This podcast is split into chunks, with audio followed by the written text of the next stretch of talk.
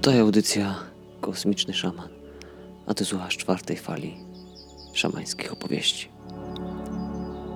Budzę się wśród niezliczonych ilości pawi, chociaż na początku dostrzegam tylko jednego. Jest nienaturalnie duży, niemal rozmiarów strusia. Obserwuję go i mam wrażenie, że on wie znacznie więcej i jest bardziej świadom niż nam mogłoby się wydawać. Po chwili unoszę się wystarczająco wysoko nad ziemią, by dostrzec setki, jeśli nie tysiące takich pawi. Stoją naprzeciw siebie jak dwie wrogie armie, gotowe do stoczenia rozstrzygającej bitwy. Naraz, jak na komendę, ruszają na siebie z wielkim impetem.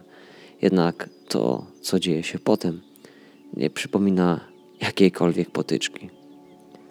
Obie z pozoru wrogie sobie grupy przenikają się, mieszają między sobą, tańczą, tworząc niezwykłe układy. To nic innego jak murmuracja, jednak niespotykana i niezwykła, bo odgrywana przez ogromne pawie, do tego nie w powietrzu, a na ziemi. Ptaki zdają się być w transie, wiedzione jedynie sobie znanym sposobem – tworzą zadziwiające symbole, mandale, kształty o doskonałych proporcjach. Wygląda to tak, jakby każdy jeden ze zgromadzonych tu pawi był czystym odbiornikiem kosmicznego sygnału.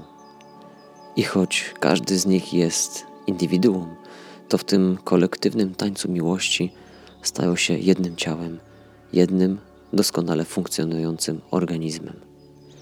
Dzięki temu są zdolne do odgrywania tego niecodziennego spektaklu. Po chwili przychodzi do mnie zrozumienie, czym na pewnym poziomie jest murmuracja.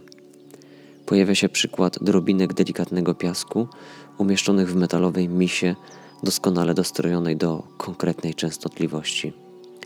Gdy zagramy na niej, wówczas drobiny piasku zaczną się formować w jej wnętrzu wedle wibracji fali tego dźwięku pokaże nam się graficzny symbol, graficzna reprezentacja tego konkretnego brzmienia.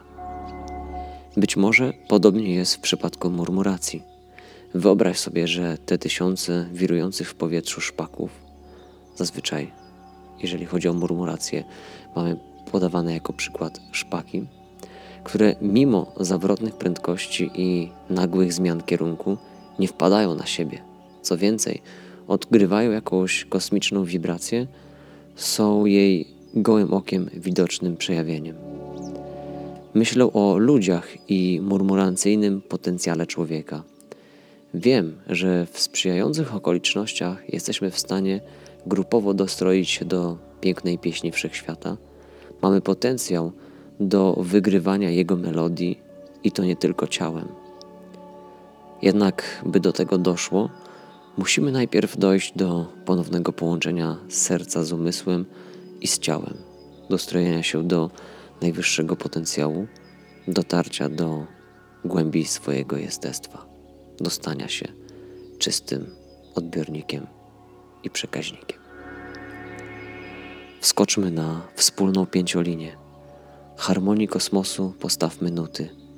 Wirującym ciałem włączmy muzykę Otrzepmy serce z arogancji i buty. Jak szpaki w przestrzeni murmurujmy, jak pawie na ziemi obraz malujmy. Wielorybiej pieśni przekaz nieśmy, świat na nowe tory kierujmy.